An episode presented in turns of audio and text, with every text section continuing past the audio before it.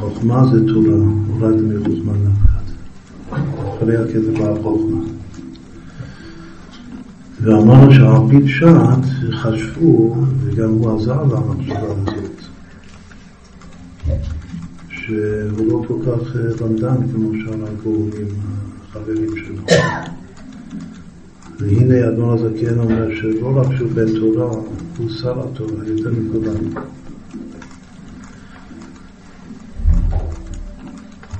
אז יש על זה כמה, כמה סיפורים חשובים. שני סיפורים לגבי אדמון הזקן בעצמו, למה הוא גם אה, נתן לו את הכינוי הזה שר התורה. הרבה פעמים התלמידים הגורמים אצל המגיד היו יושבים ומתדיינים באיזו סוגיה בגמרא או פוסקים. וככלל היו אה, מתייגעים, וכתוב ידעתי מצאתי את האמין, אבל אחרי זה יגיע היו עולים על הפשט. בירושלים. היו פעמים אה, נדירות שאחרי המון הגיעה לא הצליחו לעמוד על הפשט. אז ככה יש שני סיפורים כאלה. בנוגע לרב זושר, שפעם אחת אדון הזקן יושב עם בעל האפלו, אחד מהדודים, ולומדים רמב"ם. ונתקלים באיזה קושה בפירוש הרב, לא יודעים, חושבים הרבה, מתפללים, מתדיינים, מתפלפלים, לא מגיעים ליישוב טוב.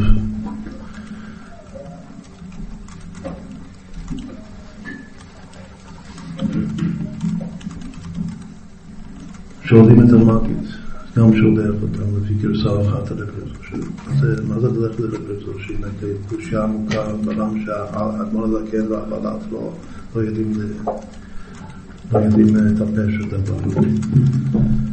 בכל אופן, הלכו אליו באמצע הלילה. כשהוא ראה אותם יושבים ולומדים ומתדיינים ומתקשים מאוד נפשית. ושואלים את השאלה, אז הוא טוב, זה הולך לחדר שלו.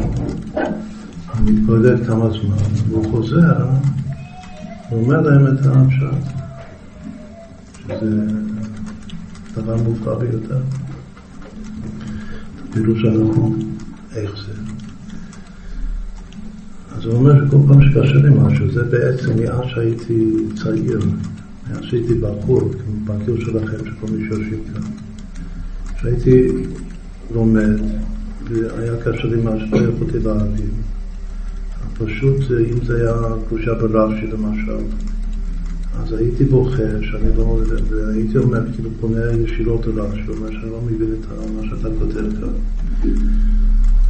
עד שמתוך בכי, אז רש"י בא מתקדם, והיה מסביר לי את המשל. וככה זה מיעודי, נהיה שאני ילד, ככה אני, ככה זה עובד אצלי. וגם עכשיו אני פשוט... קצת בכיתי, הוא ביקש מהרמב"ם שיסביר את עצמו. מה הוא התכוון בדברים שלו. עד שהוא בא, הוא הסביר שזה מה שאני אומר. זה סיפור אחד.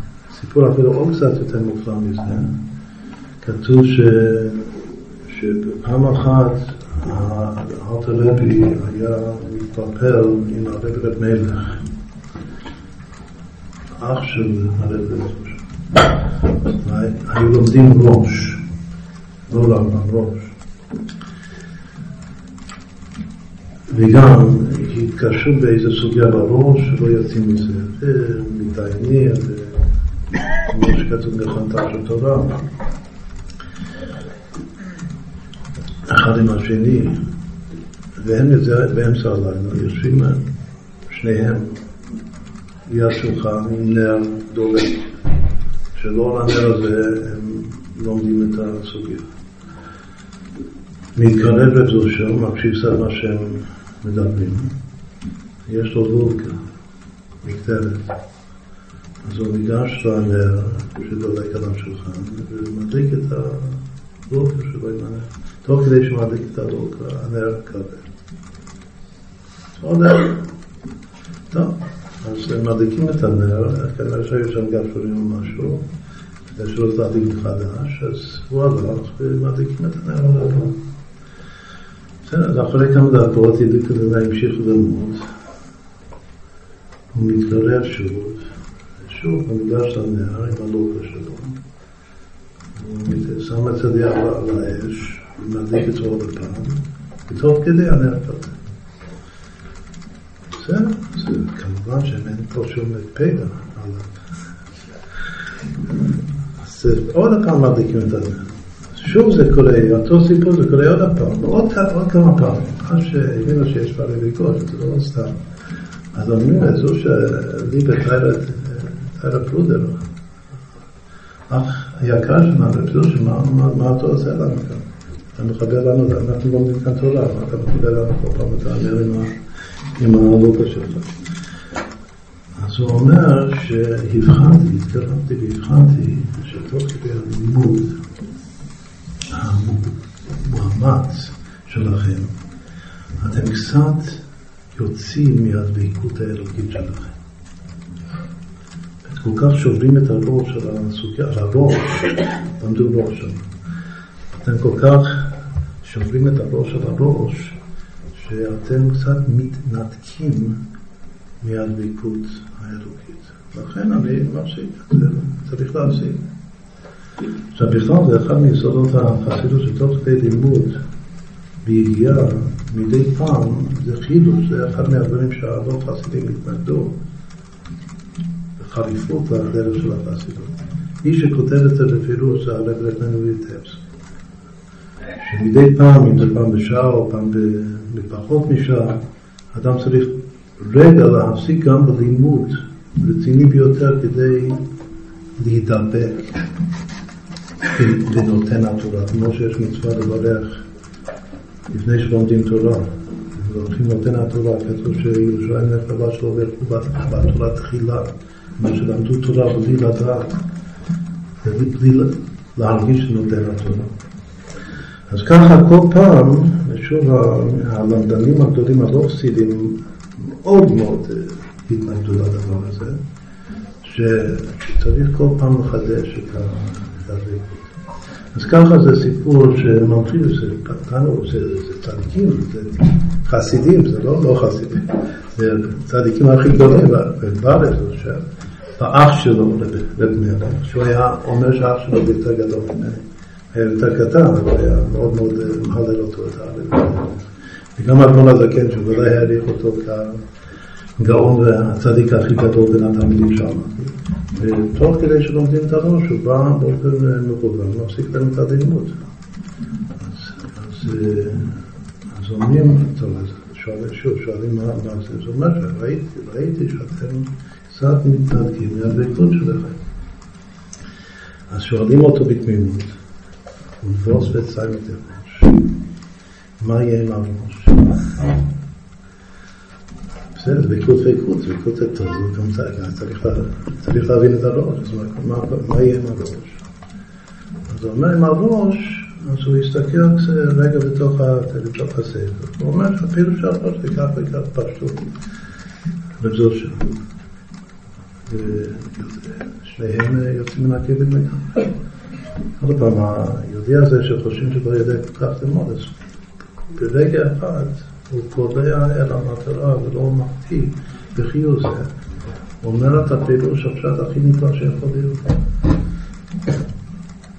אחר כך, אחרי הסיפור הזה, אחרי הסיפור הזה אומר אדמו זקן, שהפשט שהוא אמר בראש, גם הראש בעצמו לא ידע מזה.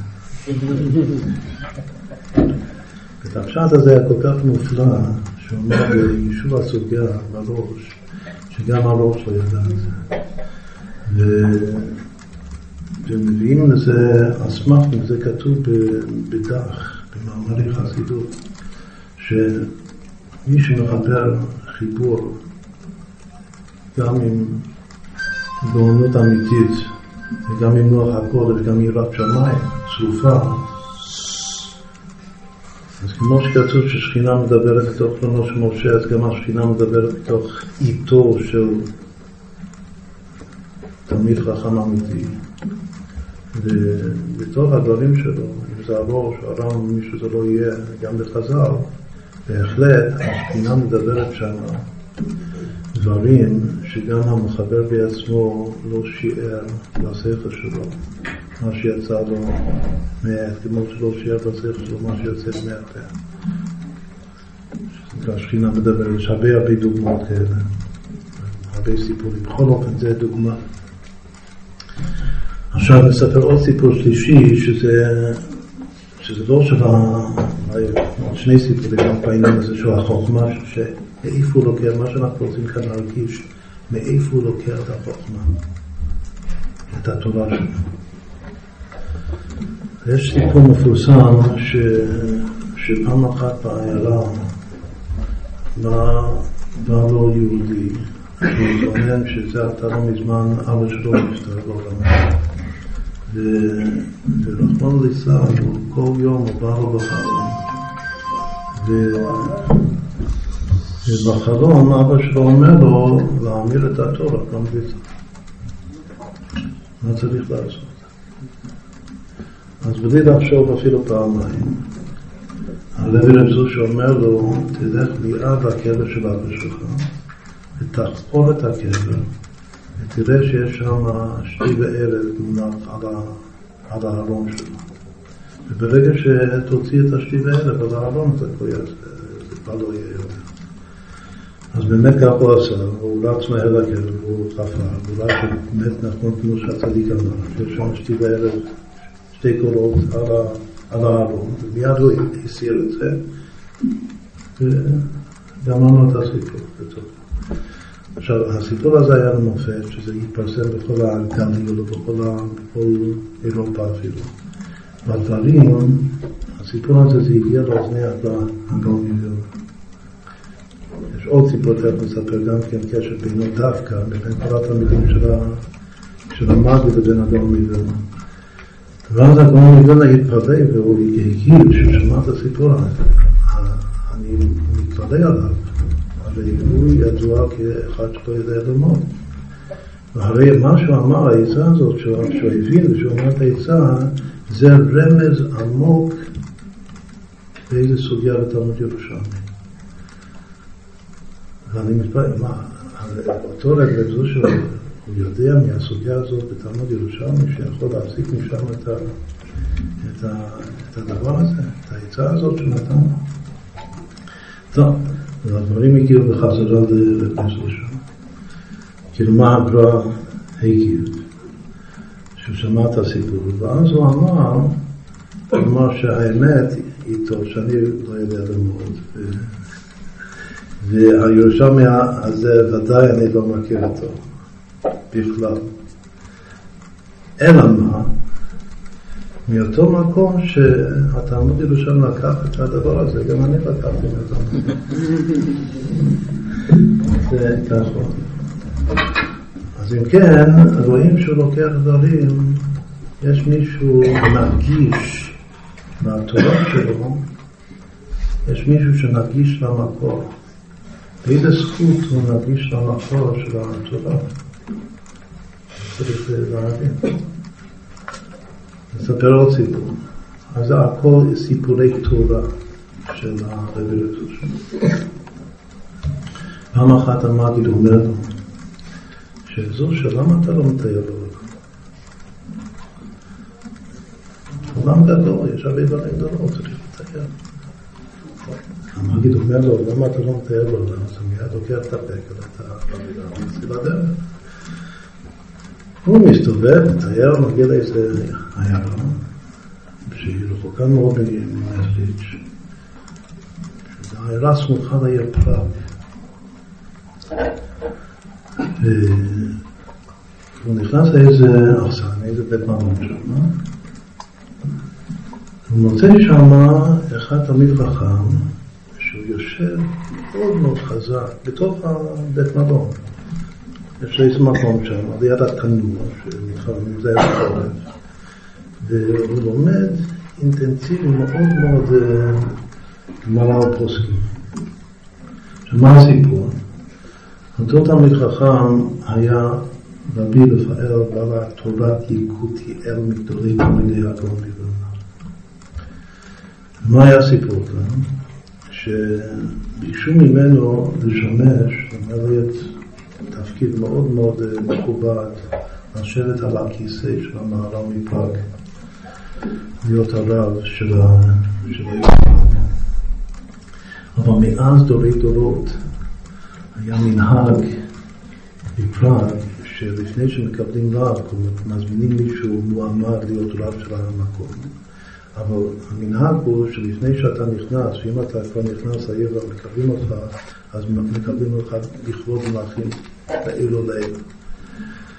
אבל עד שאתה נכנס, אתה נשאר באיזה כפר או איזה עיירה קטנה סמוכה לפראג, וכל גדולי תלמידי החכמים של פראג יוצאים אליך, והם מכינים מראש איזו סוגיה מאוד מאוד קשה, שהם לא מבינים בעצמם, ומציעים את זה לפניך, נותנים לך כמה זמן שאתה רוצה בשביל לעיין בסוגיה, וחוזרים אחרי שאתה מקציב זמן, חוזרים לך, ואם אתה, אם אתה פותר את, ה, את הבעיה שלהם, את שביעות רצונם, אז מקבלים אותך כרב.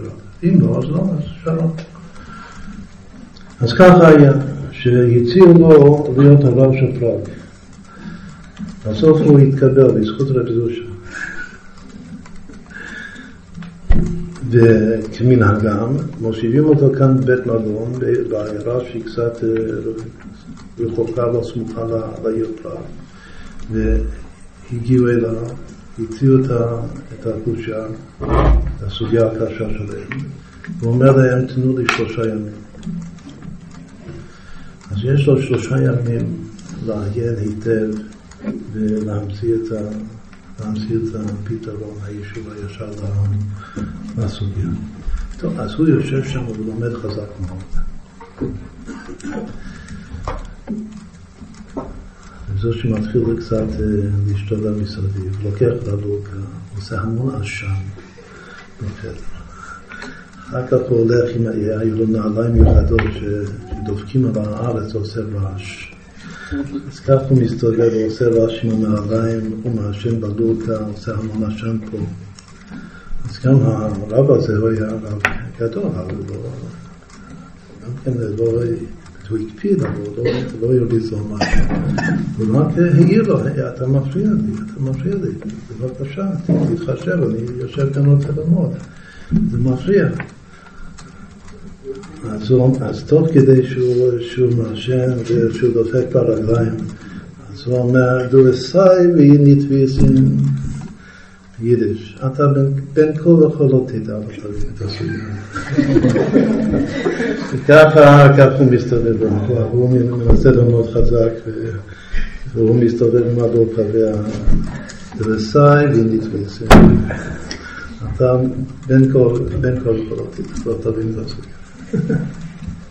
אז אה, ככה זה כמה זמן ככה. אז בסוף, du weißt, ואתה, אז ככה הוא פונה אליו בסוף, ואתה, אתה יודע? אז הוא אומר שוודאי שאני יודע. אז הוא מסתכל שם בספר, משהו מעניין. קודם הוא שואל אותו מה הבעיה, כאילו מה שאלו אותך. אז הוא אומר לו את הבעיה, אז הוא מסתכל רגע בספר, והוא מתחיל, קודם כל מתחיל ללמוד את הסוגיה, את הגמרא. איך לומדים גמרא? הכל מתחיל מהגמרא. אז הוא מתחיל רק לקרוא לו תלמידים, לקרוא פשט. אז הוא שומע שהוא לומד את הגמרא גם במתיקות וגם באיזה טובטן. שהוא מעולם, הוא לא שמע כזה טובטן בלימוד פשט של גמרא, הוא רק קורא את המילים.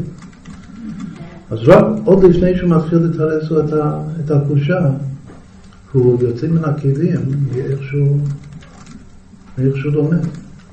אז זה מקרב אותו, אז הוא רוצה עוד. אז הוא אומר, אז אומר שאני, בסדר, אתה שומע שאני קצת כן אה, יכול ללמוד. אני מוכן לומר לך את הפירוש, אבל רק בתנאי אחד. בתנאי שאתה תישבע לי בשבועה חמורה, שאם אני אומר לך את הפשט הנכון, ואם בזכות זה אתה תתקבל כרב פראג, אתה מבטיח ונשבע לי ממש שבועה שאתה תבוא לרב שלי,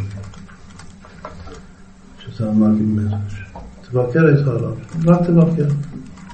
תשבע לי שאתה בא לבקר, להכיר מי זה זה שהתלמיד, שאתה והרב שלך כל כך מתנגדים ומחרימים אותו, רק תשבע לי שאתה בא למגיד. טוב, אז לא הייתה לו ברירה. והוא נשבע, נשבע לו שהוא, באמת הוא אמר לו את הפשט. אחר כך תעבור הזמן הקצוב והגיע המשלחת מפראג, חזר על הפשט הזה, וגם יצאו מן הכלים, מהבהילות, מיד קיבלו אותו כרב של פראג, נכנס לפראג, קיבלו אותו כמלאכים כדרכם.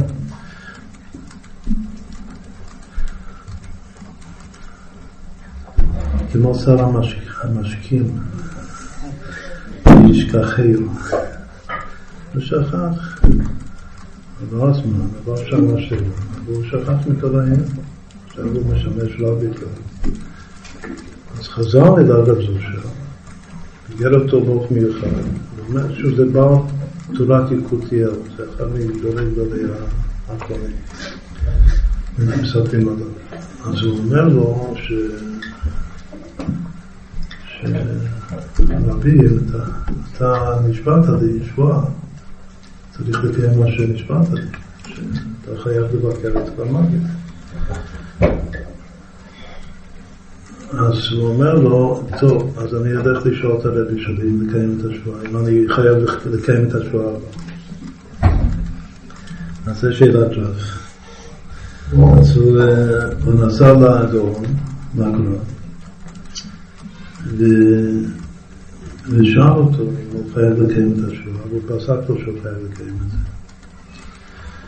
אז היות שהגר"א פסק לו שהוא חייב לקיים את השבועה, אף על פי שהגר"א חשב שזה, שהכת הזה זה לא בסדר כמו שתכף נספר בהמשך, זה חידוש שהוא פסק, שהוא צריך לקיים את השבועה.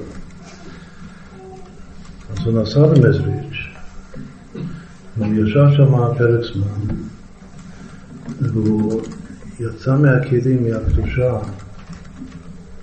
הסיפור זה לא דווקא מהתורה, הייתה שם גם תורה, אבל מהקדושה, שהוא הרגיש במקום הזה, שהוא לגמרי לגמרי אסף לעבור לכת. בכל אופן, הוא חוזר לרבי שלו, הגאון, ומספר לו בהתפעלות עצומה, שני, נסעתי למקום במזריץ', לא, מימיי אני לא חוויתי, לא ראיתי כזה מקום ספרות מלא, קודש, קדושה, כמו במקום הזה. לכן אני מפציר בך, רבי, שוב, זה תמיד מובהק. אז הוא התחיל להפציר בעברה שגם אתה חייב לעבור לזה, שזה לא מה זה. כשאתה מחרים אותו ועושה אותו, אתה חייב לעבור מה זה. אז הגאון מספר לו סיפור, הוא אומר שלפני כך שנים אני ישבתי על השולחן שלי בבית מדרש, לא בבית שלי, בבית מדרש, ולמדתי תורה. ישב לידי בחור, ממש כאן, אני יושב כאן לומד תורה, יש איזה בחור שיושב לידי לומד תורה, כך מספר על תורה, וכל הסוגיות שאני עוסק בהן, אז הוא עוסק. ועוד לפני שאני מספיק לומר את החילושים, אפילו להשיג החילושים, הוא כבר אומר אותם. הבחור הזה שישב לידי. אז חששתי שמן הסתם הוא האחרת. לכן מיד הסתלקתי משם. בגלל שהדבר כזה פלא, זה לא ייתכן שזה יבוא מצד הקדושה, זה ודאי בא מהסטרה האחרת. כך הוא מספר לגבי אותו בחור שישב לידו ולמד תורה. עכשיו הוא אומר שאותו דבר מזריד, שאני חושב, אני חושב שזה, שבכל מה שהרגשת שם, אולי זה הסדרה. זה מעשה שטן, ככה הגר"א אומר לבעל תורה טיפותיה. אז מה, הוא עונה לו? הוא עונה לו שהרי חז"ל אמרו שהשטן זה יצור כאן זה היתרו, אז למה, למה אתה אומר, למה אתה חושש מלנסוע לשם בגלל שאולי זה מעשה שטן? אולי זה סדרה, אולי זה היתרו שלך. ככה התלמידות ככה אומר, התורה תקותי על הגאון מזה. אז הגאון מזה לא לקח את זה ברצינות, זה גם אה, רציני. אז הוא לא היה לו תירוץ. למה לומר לו מישהו אחר שזה הסדרה? אולי זה היתר מי אומר איך השטן מתלבש? אולי זה היתר שלך? לא היה תירוץ, וכנראה איך שהסיפור, כתוב, אז הוא היה על סף לקום וללכת עם התלמיד שלו ולפעול בארצות כותב למזריץ', לנסוע, אבל בני ביתו המשפחה עיכבה בעד. בני בית שלו, של הגרש, הגאון, פשוט מנעו ממנו לנסוע, לא הרשו לו לנסוע. לכן הוא לא נסע. עד כאן הסיפור. אז זה סיפור של הרב לתרושה שכמעט, אם שווה שאל מה היה, ידוע שהאלתרבי ובמילו היטב שהלכו גם כן לשכנע את הגר"א, שהחסידות זה בסדר. והוא גם כן, מחשש שזה אחלה, אז הוא קפץ מהחלום. הוא ברח משם. ואז כתוב שעד סוף ימיהם הצטערו שלא שברו את הדלת, ובכוח נכנסו וכאילו תפסו אותו, ואז ודאי היו מראים לו, מרחיפים לו שזה מצד הקדושה, אז היה שלום על ישראל לא מיד. ובא לציון. ובכל אופן, כאן בסיפור הזה רואים שגם לדוש יש לו חלק בזה, וגם הכל זה רעמה, שהרמ"ג אמר לי שלמה אתה לא מטייל בעולם, אז הכל הוא רע מראש. אז גם רב סושה, לפי זה הוא שליח, אם שולחים את אלתר רב מנדלויטבסקר ושני תלמידי חכמים גאונים הגדולים ביותר להוכיח לגלל שהחסידות בסדר עם לונדוס, זה יותר מובן. אבל כאן זה בעקיפין, שגם כן בשביל לשכנע, בשביל לבטל את ההתנגדות, זה הרבה הרבה תלוי בדמות הזאת שלנו הערב, שזה הרבי רב זושה. היהודי הזה שחושבים שלא יודע. רק מה שהוא לוקח את הדברים ישר מהמקום. את החוכמה מאין תימצא. ריש ועין זה תענוג. בגלל שיש לו תענוג, שיש לו כסף, שיש לו תענוג באלוקות, בגלל שאין אצלו רע, הכל זה טוב, ואין טוב אלא תורה, אז מי שהכל זה טוב, אז הכל זה תורה, תורה חדשה. ומשם הוא יונק את, ה, את האמיתה ואמת לאמיתו של התורה ישר מהמקום. ולכן הקודש, זה נקרא החוכמה מאין, שעין זה רשת, עין זה תענוג וקבלה. החוכמה מאין של התענוג תימצא. זה החוכמה של הרבי לזושה.